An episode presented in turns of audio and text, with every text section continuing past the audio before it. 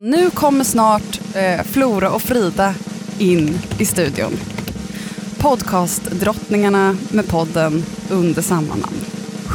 Radioplay. Positiv. För att bara smitta lite. Hej Flora. Way ahead, way ahead. Alltså, Lyssna. mm. Alla killar sexiga. Väldigt sexigt. Wow. Hej Flora. Hej Frida. Hej. Tja. Eh, jag scrollade igenom lite av våra hashtags Mm. igår kväll. Kul. Ja, det är kul för då kan man få en hum om eh, vilka det är som lyssnar.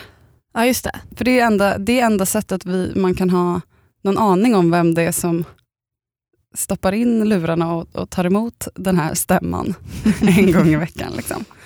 Ehm, och Då blev jag väldigt glad för jag såg en person som eh, kanske stack ut lite från nid, inte nidbilden, men en person som sticker ut lite från kanske den mest typiska schablonbilden jag har av våra lyssnare. Hur ser den lyssnaren ut? Den Alltså, alltså schablonbilden. Eh, jag tänker i mitt huvud, eller kanske inte schablonbild, men kanske de lyssnarna som är aktiva och annars eh, hashtaggar och sånt. Mm. Eh, och då tänker jag att de personerna är ungefär som oss i ålder och att de ser ut ungefär som personer som likar mina bilder på Instagram. Och att det är personer som har Instagram-namn som innehåller typ vagina, glitter eller fitta. Ja, just det. Ja, no, Just det. lite statement-aktiga Instagram-namn. Ja. Nice. Som också kanske lägger upp lite så alternativa selfies. Kanske Mm. också har mycket highlighter. Just det. Och som befinner sig i en frizon i att de kan lägga upp väldigt avklädda bilder online utan att bli kallade hora. För att de passerar eftersom de är feminister och har Venus-symbolen tatuerad på armen. Mm. Så att alla i kommentarsfältet bara “you go girl”. Eh, vilket är eh, nice. Alltså det är ingen, jag måste bara säga när jag beskriver det här nu, det här är ingen diss. Alltså det är 100% kärlek och det är ett sånt himla privilegium att ha den frizonen att de flesta av ens följare är feminister som inte shamear än. Ja, just det. Så det är ju all positive, liksom. ingen bör bli kallad hora. All positive, sa du just det. P- positive. Det var en omedveten eh. I alla fall. Eh, och alla borde ju få ett You Go Girl. Men hon som eh, kanske såg det här kanske inte föll in i den mallen helt. Det var väldigt kul för hon hade typ ett, ett barn och så en man. Eh, och verkade gilla så hälsosamma eh, saker som jag tror är bra för en. Och inte typ som att så här, förnedra sig på något event och dricka sponsöl för att kunna lägga upp på Instagram och visa att man är med. Typ som en själv. Alltså sjukt Mm. ohälsosamma grejer. Mm. Eh, utan hon verkade gilla friska saker som att typ vara i naturen. Och sen så hade hon eh, en hund. Eh, och det tycker jag alltid också är väldigt roligt när folk har. Eh, alltså, när, framförallt när folk har alltså, en riktig hund. Alltså, Vadå hund- en riktig hund? Alltså hipsters, tänker jag, kan också ha hundar. Men då är det alltid en statement-hund. alltså en hipster har ju inte bara så här en hund. Utan det är spe- en specifik hund. Nej, det är små så bulldogs eller så små roliga Det är en konstiga. mops. Eller så är det typ en greyhound. Eller så kan det vara, det kan också vara eh, en importerad gatuhund. Ah. Men då är det ju för att liksom på något sätt också ta ställning mot hur andra personer eh, ser på valpar som slit och släng. Ja, just det. Obs, jag tycker att det är bra Det är att folk adopterar. Obs, Ja, men jag måste förtydliga det, för jag Ja. skämtar om det, men jag tycker att det är bra. Ja. liksom. I alla fall. Eh, jag tar jättelånga omvägar nu, jag är absolut inte ens framme till det jag vill prata om. Det här är bara så himla så, ost, Ja, jag njuter av den här resan. Ja, hoppa på. Mm. Ehm, jo, det som också gjorde mig glad när jag såg den här personen som följde, är att jag tänker att om vi, det här innebär kanske att vi långsamt har sipprat ut lite utanför den innersta kärnan av de som kanske varit i kontakt med oss eh, tidigare. Via våra bloggar typ. Ja, eller typ som, precis. Alltså, a.k.a. vi närmar oss någon typ av folklighet. Härligt! Min dröm skulle ju vara att någon gång i framtiden kunna göra liksom Let's Dance. Så för mig är det här en så Gud, don't even talk about Alltså ja! Och Eller hur? Gud, alltså, alltså, jag har också kommit fram till att det här är min största dröm i livet. Jag vet. Tänk att få stå på Skansens scen och typ så här, sjunga någonting, som man, alltså välja en låt och så sjunger man det tillsammans och vaggar långsamt fram och tillbaka så här. Och så sitter det en massa pensionärer framför oss, eh, framför en liksom i, i solen i så här regnponchos. Men hur känd måste man vara för att få vara med i Let's Dance? Måste man ha liksom känd. en Man halv måste ha en följare på väldigt bra Instagram? bas från liksom Trollhättan till Malung till... Just det, de orterna. Eh, ja okej, ja, men det här, jag, jag, jag ska lägga upp en plan för det här. Det här Mm. kommer bli, jag kommer styra mitt liv efter Let's Dance-målet tror Ja. jag faktiskt. Från och med nu. Jag tittade på eh, Let's Dance i fredags och var helt blown away. Jag såg Melodifestivalen. Jag med. Kanske att det är där att vi synkroniserar någon typ av, har Melodifestivalen som mål. Ja. Väldigt många som är med i Melodifestivalen nu, det verkar ju räcka med någon typ av kändisskap. Fast hallå, årets final, alltså det var väldigt hög kvalitet. Det var inte så mycket så här, eh, barn-pleasing. Det var inte så här roliga barnlåtar som det varit tidigare utan det var ändå så här. Nej det var väldigt, låtar. väldigt skönt faktiskt att det inte någon var några sådana typiska barnlåtar. Får jag bara lägga in en snabb grej där? Ja. Um, alltså både Benjamin Ingrosso och Robin Bengtsson hade ju så här danser där de så dansar i så här, eh, kostymbyxor och, Mm. och har handen i fickan. ja, lite höft... eh, Ja, väldigt sexigt. ja, ja. Sen så var jag på bio i söndags och när jag gick på stan så eh, såg jag inte bara en utan två utan tre personer dagen efter mello som hade grå kostymbyxor och gick runt med handen i fickan och typ svassade lite med höfterna. Alltså det har verkligen blivit en ny grej, jag är helt övertygad. Eh, ska vi säga att vi båda är väldigt positiva inför den Oh ja, grejen? oh ja. Men åter till... Tajta eh, kostymbyxor är sexigt. det är väldigt sexigt. Eh, killar som kan dansa. väldigt sexigt. Alla som kan dansa är väldigt sexigt. killar generellt. Det är så himla de- desperat rop. Alla killar sexiga. Jag tänker att eh, Melodifestivalen, det är ändå lite svårt att vara med. Alltså, det är ju ganska få som startar varje år. Däremot ett program som också signalerar folklighet, där det känns eh, ganska lätt att få vara med, är Nyhetsmorgon. Och då eh, så började jag eh, och Andreas skämta igår om eh, hur vi skulle göra så mycket impact som möjligt av vårt eh, Nyhetsmorgonframträdande. Vi som är du och Andreas. Nej, du och jag. Ah, du och jag. Vi pitchade till liksom vårt framträdande. Eh, och då så har jag en pitch för hur vi ska hantera eh, den dagen eh, Nyhetsmorgon eh, mejlar. Och säger typ, de kanske mejlar Radio Play och bara hej vi skulle tycka det var jättekul om, om Flora och Frida ville komma hit på onsdag och, och prata lite om sin podd. Just det, Mys. mys. Men då tänker jag så här. Eh, då tänker jag att programledarna skulle säga eh, nu kommer snart eh, Flora och Frida in i studion. Podcastdrottningarna med podden under samma namn. Eh, men först har de bett om att få göra ett litet intro. Mm. Alla är nyvakna som tittar på det här i- hemma i sofforna. Precis, förstår, vet inte riktigt vad de ska ta in. Så tänker jag att eh, hela studion släcks ner. Just det. Eh, sen börjar en strobb eh, blinka lite i studion. Bara så här, lite omotiverat, lite otakt. Man vet inte riktigt men man känner att någonting är på gång. Då ungefär börjar det här. Started from the bottom, now we're here. Started from the bottom, now my whole Då går vi in. Mm.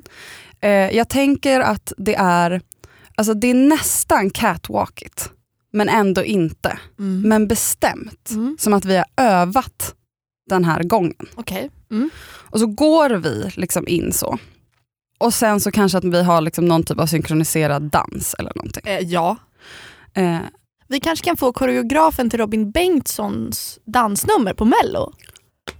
Vi kanske kan få gå in på löpband. nej! Gud, det här förändrar allt. Ja, det är mycket bättre. Också för att studion är så himla liten att det blir svårt för oss att catwalka en längre sträcka för då går vi in i en vägg till en annan. Precis. Såklart. Vi går alltså bestämt på de här löpbanden Med händerna i fickorna. med händerna i fickorna. Och när Kanye kommer till “Now my whole team fucking here” kanske kameran går att typ så alla våra kompisar är också i studion typ lite backstage och står liksom och säger yeah, typ. Alltså så här, reppar oss, vår, reppar vår eh, treadmill-gång. Ja, Liksom. det. Mm. Men där kommer vi att behöva eh, klippa eftersom varje inslag i Nyhetsmorgon är liksom 30 sek långt. Men alltså, oj, oj, nu är det nytt. Oj, Ja oj. exakt, så att allt vi kommer hinna är ju den här ingången. Så strax efter att, att ehm, vi kommer liksom aldrig hinna till de här röda mysiga sofforna. Nej. Utan strax efter att man har sett våra kompisar lite tafatt stå och digga så kommer det liksom eh, klippa med nästa gäst. Kanske han från, som vann, Robin Mello. Bengtsson. kanske Robin Bengtsson. Men vänta, för det är allt vi fick? Ja, här har vi möjlighet att bli YouTube-sensationer. Just det. Alltså, du tänker i så många steg. tänker i så många steg. Herregud, kan du vara... Tänker i så många steg. Way ahead, way ahead. Alltså, Lyssna. mm. Youtube-klippet med fem miljoner visningar. These two Swedish girls did the craziest thing in a Swedish morning show and you can't believe what happened. Oh my god. Det är liksom så vi skulle Oh få så himla God. mycket mer spridning. Ah. Alltså Frida, jag är faktiskt blown away. Jag tycker faktiskt att alla PR-konsulter här och nu borde gå i utbildning hos dig. Jag tänker ju också att vi, alltså vi behöver inte ha en kran som hissar ner oss från taket i början. Men jag är också öppen för det. Men vi kan ju skicka en rider och fila på liksom vår Kanye West Tour scenshow när, när Nyhetsmorgon hör av sig. Ja, eh, mitt nummer är i alla fall 073 om, om Nyhetsmorgon vill Sa du ditt nummer? Ja. Jonas du kan få Hej. pipa. Hej Flora. Okej. Busringningar. Flora, hur, eh, hur mår du? Hur har din vecka varit? Eh, Varför är du inte i Lissabon? Ja, det kan man fråga sig. Jag skulle ju åkt i fredags ehm, men det blev inte så för att jag var tvungen att ställa in för att jag fick eh, halsfluss och var totalt däckad. Jag har haft halsfluss extremt många gånger. Jag har även haft körtelfeber, eh, även haft lunginflammation. Alltså jag har haft de här stora jobbiga jävla infektionerna många gånger. Alltså så att jag ser, när jag tittar ner i min hals så är det så här, okej det är halsfluss. Alltså jag kan se det på en gång. Men den här gången var det liksom lite speciellt för att min halsmandel, min ena halsmandel såg ut... Är det inte världens gulligaste namn på typ en kroppsdel? Det är så här, min lilla halsmandel. ja. Julgodis. Jag skickade en bild, en blixtbild ner i min hals till Yrsa och bara hej vill du se min hals? Eh, Ni har så himla äcklig vänskap. Nej, jag vet, men jag frågade först, jag bara vill, vill du se min hals? Hon bara ja. Och så gjorde jag det för ingen annan ville se min hals. Det Ingen var se en något avsnitt där ni pratade om att ni typ åt varandras snor och så var det folk som har kommenterat efteråt så bara, hur kan ni inte stanna upp och bara poängtera att de åt varandras snor? Äcklig kanske, men väldigt härlig. Mm. Eh, mm. Eh, hur som helst så skickade jag den här bilden då till Yrsa och hon bara Flora, din halsmandel ser ut som en sönderrökt lunga. Och om man har sett sådana bilder på cigarettpaketen till exempel så är ju det liksom svart, svartgråa, äckliga jävla eh, organ. Det är ju döden själv. Man, bara, döden man undrar så här, mm, hur ser döden ut? Så här ser döden ut. En svart, säckig, slemmig lunga. Ja. Död. Och de som har haft halsfluss vet att halsmandlarna ska inte vara svarta. De ska vara typ röda och svullna med vita prickar. Men det, här, alltså det gjorde så ont. Så jag vill, bara, jag vill bara ta en liten stund och säga att det gjorde så ont att ha det här i min hals. Att jag låg och hulkgrät och bara hade sån panik. Mm. Och då så bestämde jag mig helt enkelt för att inte sätta mig på ett flyg dagen efter. Mm. Och det var väl bra för man ska inte sitta där med recycled air ett jävla flygplan och smitta ner alla. Och man ska inte heller, jag hade ju totaldäckat ner i min Mm. flygplansmat. Det är bara så. Mm. Och jättejobbigt att komma till en ny stad och inte känna någon och vara sjuk. Ja, Kanske behöver gå till sjukhuset. det är jobbigt nog att bara att vara hemma i sin egen lägenhet. Att då behöva så här, landa och ta sig igenom en flygplats och hitta till där man ska bo. Och bara så här, att känna sig ensam och inte någon som kan klappa på en. Alltså, tack för att du verkligen förstår hur, ynkligt, hur ynklig jag kände mig. Ja. För att jag, har, jag, jag var så ynklig. Jag, sa, jag tror jag sa till Isak typ var, var femte minut bara, det är så synd om mig. Mm. För att jag, jag tyckte så otroligt synd om mig. Alltså jag grät, tårarna Mm. rann för jag bara det är så synd om mig. Eh, men det var ju för att jag då hade, hade så fruktansvärt ont Mm. framförallt. Eh, och sen så eh, hade jag tänkt att hyra ut min lägenhet och eh, Charlotta som skulle hyra lägenheten hon eh, skulle flytta in den dagen. Mm. Eh, men hon var så jävla fin för att då smsade jag henne och bara Du bara hasslar henne på hennes deposition. 16 000. Catching! Oj, det där, gud vad folk kommer tro att jag tog 16 ja, mm, äh, det var, Du är så här, bloggare i rätten för bostadsbedrägerier. Obs att jag Du inte bara, tar jag ska till. Lissabon. Klart jag kan hyra min lägenhet. Ehm, Åker inte. Nej. Det som var så jävla fint var att hon bara så här, Nej men Flora det är självklart att du ska bo kvar till på tisdag. För jag bokade om min biljett till på tisdag vilket är idag när vi spelar in. Den här podden kommer ut på torsdag. Alla Åker du alltså tiden. ikväll? Jag åker om några timmar. Hur som helst så sa hon så här, Flora jag har haft eh, halsfluss 13 gånger. Jag vet hur det är. Hur kan man ens ha haft det 13 gånger? Liksom? Ja det kan man verkligen fråga sig. Ja, men då, alltså, både du och jag har haft körtelfeber som små Ja, och det är ju eh, ännu mer brutalt. jag kommer inte ihåg någonting av det. Nej det är kanske att för man att var man, trött. man, hade, man, hade typ, man var typ däckad. Ja. Alltså, man, var typ, man var ju typ halvdöd. Ja. Så kanske därför du inte kommer ihåg så Det mycket. fanns inte så mycket memories. Ehm, det, är ju, det kan ju sträcka sig över månader. Liksom. Eh, men jag minns det så väl att det fanns en kille i mitt område som ehm, hade körtelfeber.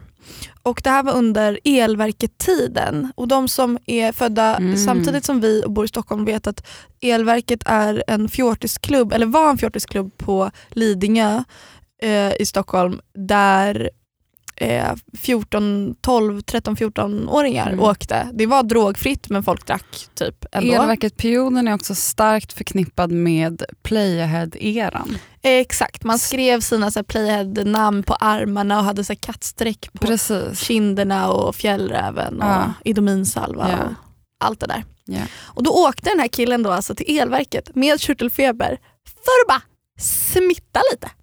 Bara göra det. Men var det för att han ville smitta? Var det inte bara för att han inte ville missa? Jag tänkte när man var liten hände det så himla lite grejer så att om det väl hände Jag vill gärna någonting. tro att han var lite ondskefull och bara "Mhm, nu ska jag hångla med 25 personer för det var ju det man gjorde också. Man Ja det handlar egentligen, ja just det. Alltså elverket var väl egentligen bara typ en, um, en hångeltävling. Ja men så var det. Det, jag, var, jag var inte där, men det, det jag vet från de som var där var att de kom tillbaka och det enda det handlade om är att de skulle ge en siffra på hur många de hade, inte hånglat med, strulat med. Vet du hur många jag strulade med? Vill du höra min siffra? Ja. En. Mitt första hångel. Det gör mig alltid så besviken. Det är så himla ofta jag hoppas med att du ska komma med någonting. Typ som också din krim, kriminalitet-historia när du skulle droppa den. Och så Ja. tänker man så här, nu kommer Flora och så kommer hon ha strulat med 50 pers. Nej, eh, det som jag tänker med den här körtelfebern, det var ju att den och löss var ju liksom barndomens könssjukdom lite grann. Det var alltid som man kom hem lös och, och folk bara, nu har du kramats med någon på dagis. Exakt. Och sen nästa steg var körtelfeber och sen tredje steget var klamydia. Oh. Det är så himla sant.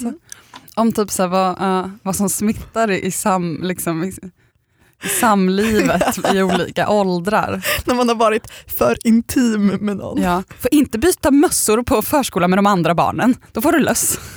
Och inte dela borsten. Ja. Ja. det var ett jävla hassel. Det var liksom skamligt också att anta att folk hade löss. Ungefär som att det är skamligt att anta att vissa människor har könssjukdomar. eh, jag vill inte låna, eller du får inte låna min mössa. Vad då tror du att jag har löss eller? Nej älskling, alltså, jag, jag, jag kör inte på kondom. Ser jag ut att ha klamydia? Samma grej. Exakt samma grej. Gud, det är verkligen det. Wow. Alltså jag löss, såg, Gud, alltså, löss finns inte ens med. Jag brukar ofta tänka på vad som finns eh, on top of mind hos en. Alltså så här, vad man har nära att hitta till i, i hjärnbalken. Mhm. Liksom. Eh, löss är så himla långt bak sorterat med. Jag tänker aldrig på löss. tänker du någonsin på gnetter? Det är lusägg. Ja, Det är ett väldigt roligt ord. Jag har inte hört det här ordet sen jag... Men det fanns ju i ens liv när man var Ja, liten. det, det, Väldigt mycket. så, så, ja, verkligen. Tänk att man haft en passage i livet där gnetter var on top of mind. Eh, jag såg en sjuk snap från den här helgen. På Just din, det. eh, Gud, helt glömt bort det. Ja, eh, det jag såg var att du hängde med din pojkvän Andreas, mm. din flickvän Nim. frekvent, frekvent eh, sällskap i mitt liv. Nej, men Andreas. Du, Andreas, Nim och vem då? Andreas mamma. Och vad gjorde ni?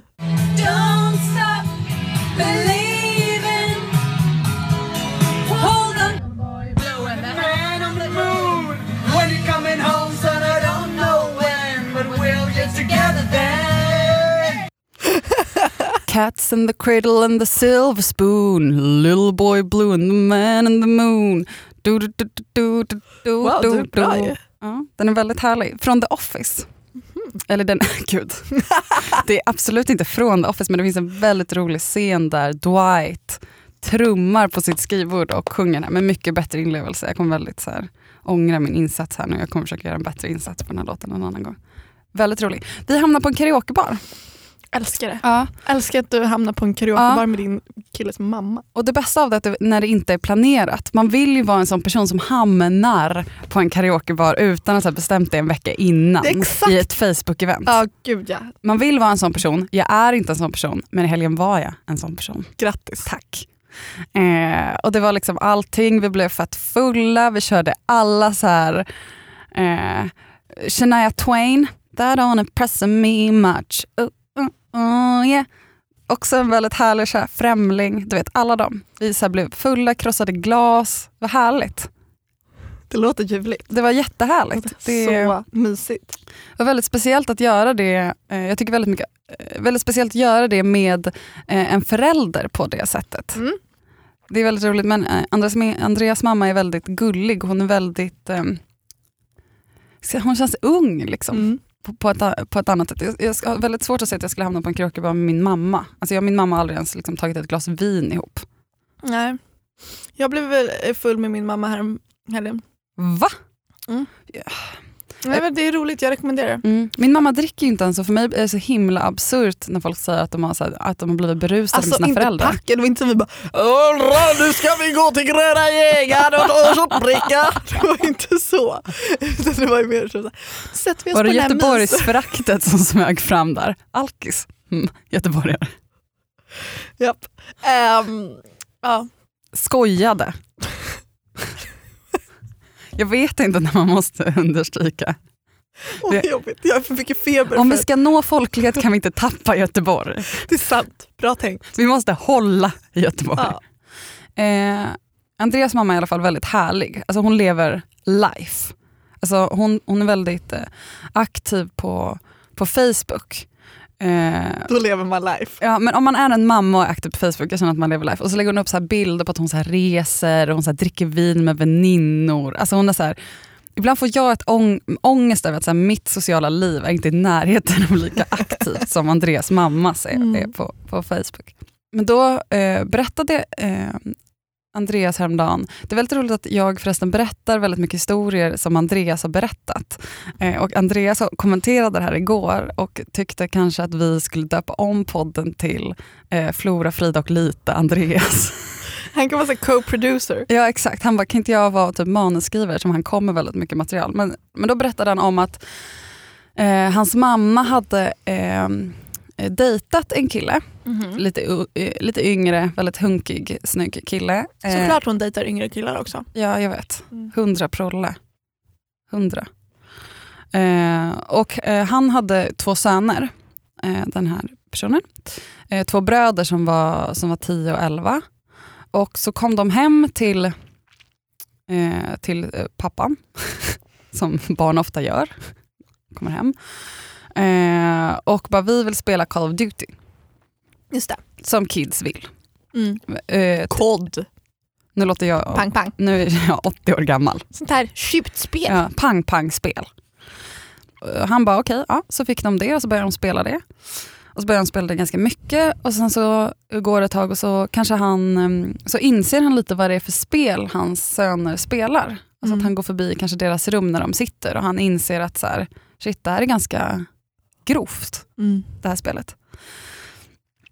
Så han bara, nu följer ni med mig till Israel.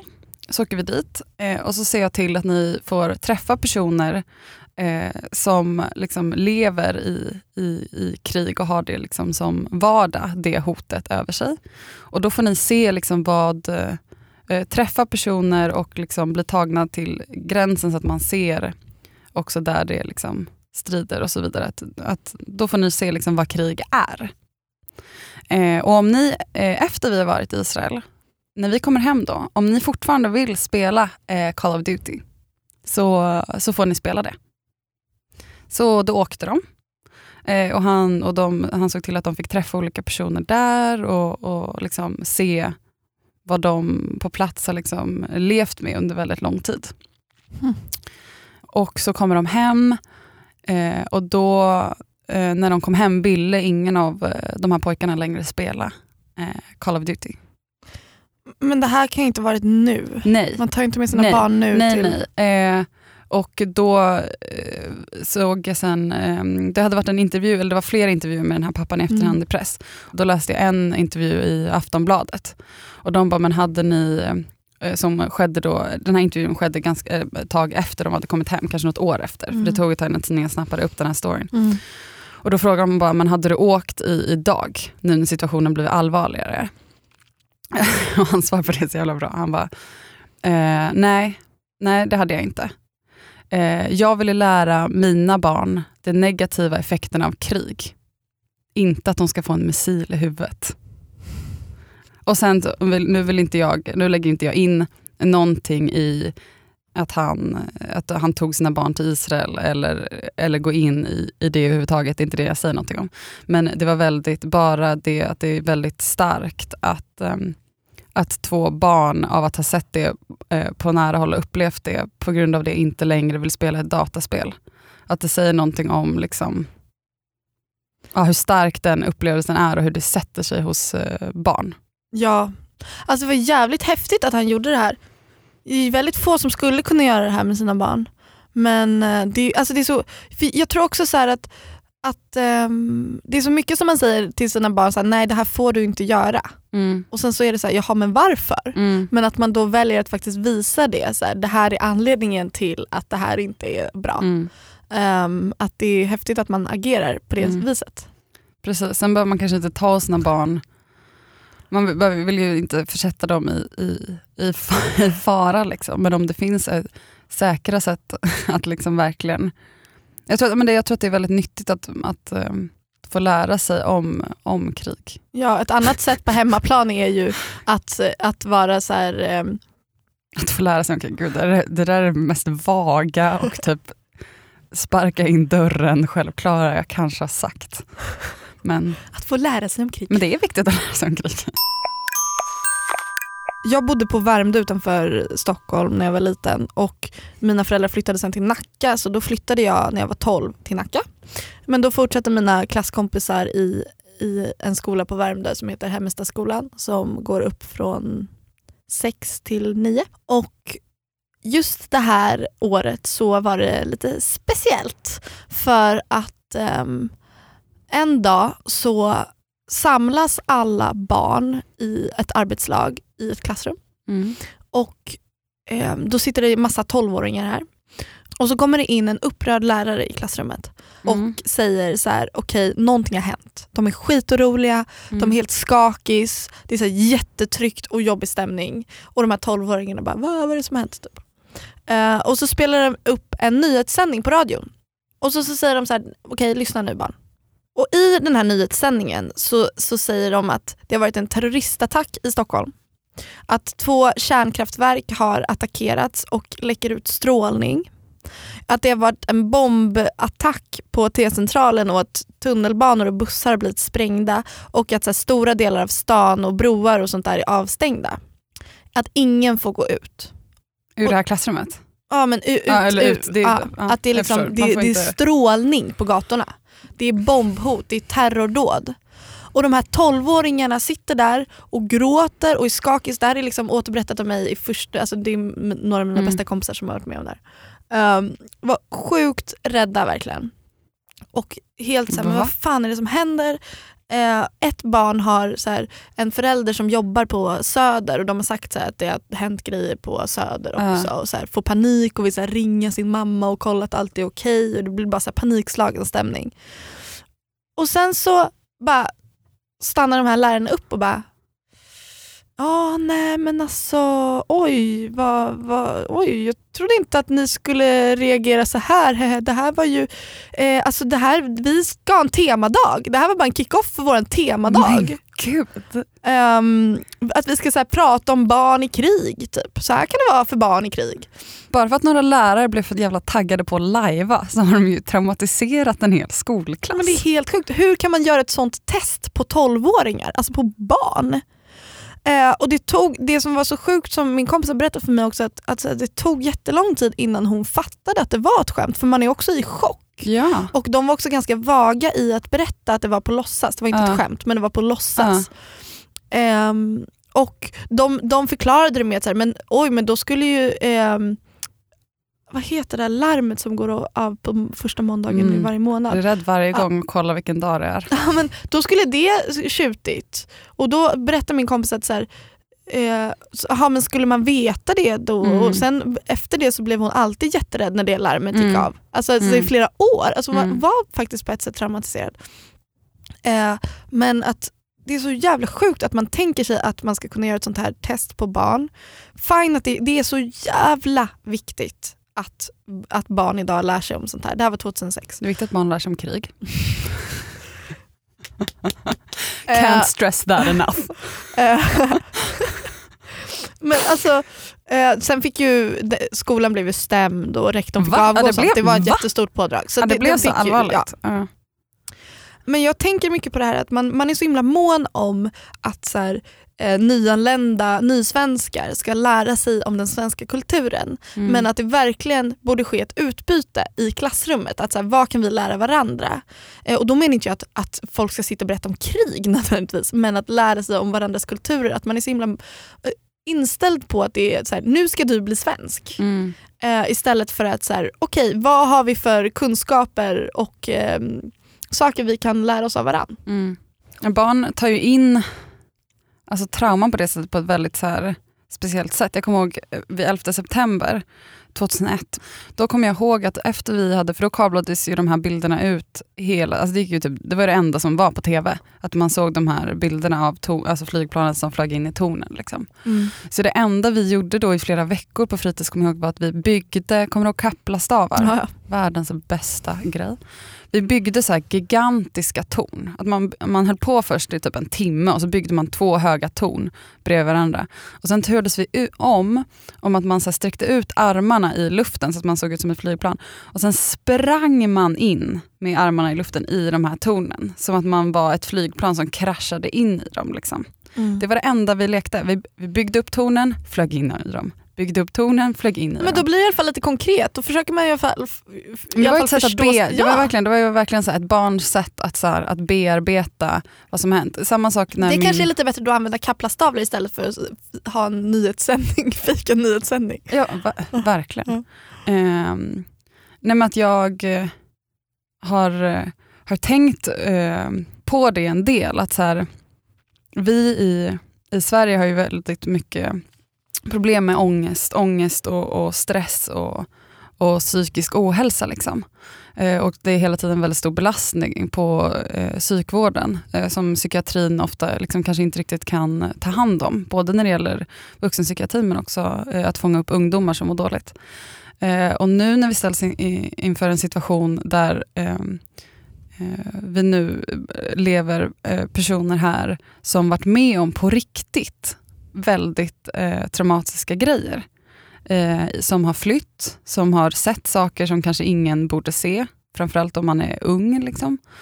Eh, och framförallt har varit utsatt för stress och eh, ångest över en väldigt lång tid, i flera år. Alltså en så här ovisshet över eh, sin framtid, ovisshet om sin familj och liksom vart man ska bo och hur man ska rota sig. Och, ehm, all den typ, alltså, det är en jättestark stress för, för en människa att, att leva med den ovissheten om sitt Mm. liv och ens liksom kanske överlevnad i, i vissa fall. Liksom. Mm.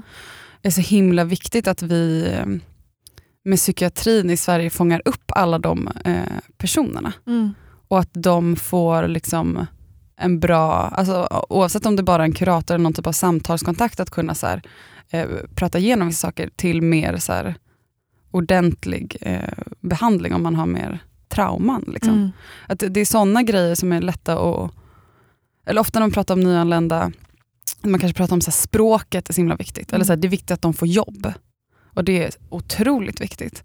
Men det handlar ju också om att man ska liksom skapa, eller skapa förutsättningar för folk att bara vara eh, trygga. Mm. Jag har tänkt ganska mycket på sistone på det här med att ta stora beslut och vad som får vissa människor att våga och andra människor att inte våga. Och det finns ju såklart jättemånga anledningar. Men jag tänker på ett stort beslut som jag tog för ett år sedan var att jag eh, gjorde slut med mitt ex. Mm. Och att jag gick ur en relation som var bra Mm. och jag lämnade en person som jag älskade.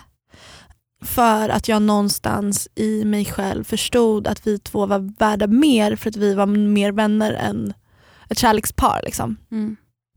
Men att det var så fruktansvärt läskigt. Alltså jag har aldrig stått inför ett så stort beslut förut. Ehm, vi hade ju varit ihop i fem år och jag hade gått runt ett tag och funderat på det här och i, jag tror att tidigare att jag kanske pratat mer om att, som att här, vi har gjort slut men så här, ja Mm. det var jag som gjorde slut. Mm. Ehm, Kommer du ihåg att det var viktigt när man var yngre att berätta vem det var som hade Ja, gjort slut? Och nu så var det tvärtom. Typ såhär, Ja. Vi gjorde slut för man Ja. vill inte så här placera någon i något off, någon offersituation. Och sen, Nej. han är verkligen inte ett offer i det här alls för han tyckte också att det var bra sen. Liksom. Men det är alltid jobbigt att vara den personen som, som eh, bryter upp något som Mm. är fint. Ja, men jag hade varit på tågluff i en vecka med Sandra Beijer och jag hade gått runt och ältat det här med henne så jävla mycket och sen så bara, nej men fan nu gör jag det. Och då hade en vän till mig också sagt så här, Flora skriv ner en lista på anledningar till varför du ska göra slut. För att när du har gjort det så kommer du ångra dig. Vid någon tidpunkt så kommer du ångra Mm. dig och då måste du ha den konkreta listan. Så det gjorde jag. Ja, alltså, ja, verkligen. Jag gjorde slut ungefär samma tillfälle. Eller Lite innan. ja, lite Mm. innan gjorde jag ju också slut med, med en person som där det också funkade ganska bra. Eh, eller vad man ska säga. Alltså, eller en relation som inte en relation som var bra Mm. men som av olika anledningar behövde kanske ta slut. Eh, och jag kommer också, eller att det, det uppstår ju flera, flera situationer där det finns, eh, ja men där man tänker tillbaka och man behöver liksom, ja. Jag ska inte eh, ta över ordet här från dig men jag bara instämmer i att Mm. jag eh, känner igen eh, Mm. situationen. Alltså det är så jävla läskigt Mm. steg att ta för man undrar vem är jag att ta det här beslutet? Eller så här, jag kanske släpper det bästa jag någonsin haft. Mm, Det är den rädslan. Liksom. mm, verkligen. Och så kom jag hem ehm, och han var barnvakt den kvällen så han var inte hemma när jag kom. Men jag var, låg hemma i sängen och väntade på honom när han kom. Och så klev han in genom dörren och jag gick inte och mötte honom i dörren för jag kunde inte stå upp. Typ. Och så, så kom han till sängen och satte sig på sängkanten. Och, och jag minns att jag började le, för jag ler ibland när jag blir nervös. Så, Mm. så jag tryckte ner ansiktet i, i täcket. Och Sen började jag gråta ner i täcket och så sa han liksom så här. Shit Flora, du är inte kär i mig längre va? Och sen så pratade vi om det och sen så tog det ungefär tio minuter och det var vidrigt. Men sen var det gjort. Och jag hittade en text i, i en bok som jag läst som heter Happy Happy. Eh, en bok om skilsmässa av bland annat Maria Sveland och Katarina Wenstam som är en antologi om skilsmässor. Och skilsmässor då, det kan ju även handla om uppbrott. Liksom. Mm. Men det här handlar i alla fall om att ta stora beslut i Mm. livet. Det står så här. När det var som allra tuffast, innan jag hade tagit steget och sagt att jag ville skiljas, återkom jag ofta till en princip jag hade läst om i någon tidning på en flygresa en gång för länge sedan. Det är en tes som kallas 10-10-10-regeln och som kan appliceras på i princip alla svåra beslut man står inför i livet. Jag använde mig av en utdriven gammal artikel som stöd när jag skulle skilja mig. Och det funkade. Om du tvekar, om du känner att du inte vågar, om du inte vet varken ut eller in, tänk dig då att det svåra samtalet du måste avverka, oavsett om det handlar om att söka ett eftertraktat jobb, säga upp dig, berätta att du har varit otrogen eller ta ut skilsmässa. Att det samtalet oftast bara handlar om ungefär 10 minuter. De flesta samtal, åtminstone den första tunga delen, tar inte längre än 10 minuter. Mer behöver du egentligen inte planera för eller stålsätta dig inför. Mer kan du inte överblicka. Tio minuter, sen är det gjort. Fantisera dig sen tio månader fram i tiden. Oavsett hur omtumlande eller dramatiskt det kommer att bli så kommer allt ha lugnat ner sig betänkligt om tio månader. Så är det. Tiden läker alla sår, dagarna blir till månader och även de mest hysteriska utbrott och ilskna utfall lägger sig. Om tio månader kommer allt att vara helt annorlunda. Och om du fortfarande tvekar så försök då att föreställa dig hur ditt liv kommer att se ut om tio år från idag om du inte gör upp med det som trycker dig. Om du fortsätter att leva kvar i en kärlekslös och död relation, om du stannar kvar i osanning och förljugenhet, vem är du då om tio år? Hur mår du då om tio år? Om du får panik av blotta tanken på detta, då är faktiskt ett tufft samtal på tio minuter inte så mycket i sammanhanget. Gud, det känns verkligen som att jag eh, träffar en livscoach just nu. Åh, mm, jag- sant. Jag, jag hade inte läst det där när jag gjorde slut. Liksom. Men jag tror att jag kanske hade behövt läsa det där. För att Mm. man tänker sig, det är just den där stunden som är så fruktansvärt jobbigt. Men sen är det gjort och då har man Mm. gjort någonting som man bäddar inför ett, ett friare liv, eller ett bättre liv eller en, ett härligare liv. Liksom. Mm. Bara tränga sig igenom den där jobbiga stunden. Mm. Nu hinner vi inte prata mer. Nej, just det. Eh, från och med nu, eller nu eller nästa vecka. Podden i alla fall kommer börja komma ut på fredagar. Vilket jävla fredagsmys va? Sen- Så mysigt. Sen får man lyssna på podden vilken dag man vill. Men, men vi kommer i alla fall släppa den på fredagar. Så ni vet. Så att det är... Eh, ja, fred- Fredagar. Kan jag säga det med andra ord? Fredagar. Eh, och sen så skulle vi tycka att det var kul, vi, vi har en liten idé som vi kan testa oss fram hur veckorna går så får vi se hur det funkar. Men det vore väldigt kul eftersom vi tycker att det, eller framförallt jag tycker att det är väldigt roligt att spela upp ljud eh, på olika sätt. Eh, så skulle vi jättegärna vilja ha en mer eh, dialog med dig. Och då tänker jag att man jättegärna får skicka in eh, ljud. Det vill säga ljudfil. Man kanske spelar in på sin mobil eller någonting. Ja och då kanske inte random ljudfiler utan typ frågor. Alltså typ inte så ljud när du typ så pruttar. Så här, Inget sånt. Sitter och inte äter. äcklig. Alltså vi vill liksom inte bara höra, eller när du skriker, alltså inte bara ljud. Men det skulle kunna vara så här: hej Flora och Frida, jag har tänkt på det här, vad tänker ni kring det? Ja, eller typ hej, hej Frida, jag tycker att du är typ bäst, hej då. Just det, Alltså bara som exempel. vi, alltså- vill alltså, vi vill närma oss folkligheten, vi vill även närma oss frågespalten. Alltså frågespalten. Mm. Ja, så tanken är kanske att det är någon typ av eh, stående inslag mot, mot slutet av podden. Eller någonting. Ja. I don't know. Men skicka in lite ljudgrejer. Det kan vara frågor, det kan vara en, en eh, att ni kanske lyssnar tillsammans och har någon hälsning eller berätta om något spännande samtal som har eh, sprungit ur podden. För Ofta ser man träff, eller ofta, of, ibland träffar man personer som bara Eh, till exempel om den där kondomgrejen, alltså killars ansvar för preventivmedel. Som bara, vi, jag lyssnade på det tillsammans med min kille och det eh, gjorde att vi hade ett väldigt bra samtal ihop om preventivmedel och bla bla bla. Vi vill helt enkelt eh, komma närmare er. Ja. Eh, och eh, Ni kan mejla de här ljudfilerna till vistromflora.gmail.com. Wiström med W, W-I-S-T, Rom, Flora. Ja. Eller till frida Ehm, tack som fan för att du lyssnar. Det är så jävla fint. Eh, hashtag gärna på Instagram, hashtag florafrida. Jag Puss. heter Frida Vega på Instagram. Snog in den i slutet. Och eh, Flora heter Floravis Med W. eh, med W. Eh, nästa gång vi hörs är Flora på länk eh, från Lissabon. Och vi lovar att det inte ska vara någon eh, En varg söker sin podd eh, Krassel. upp, upptagning. Mm, nej, precis.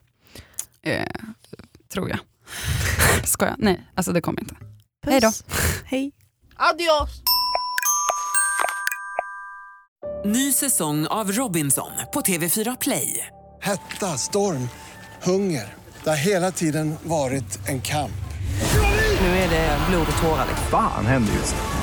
Det. är Detta är inte okej. Robinson 2024, nu fucking kör vi! Streama söndag på TV4 Play.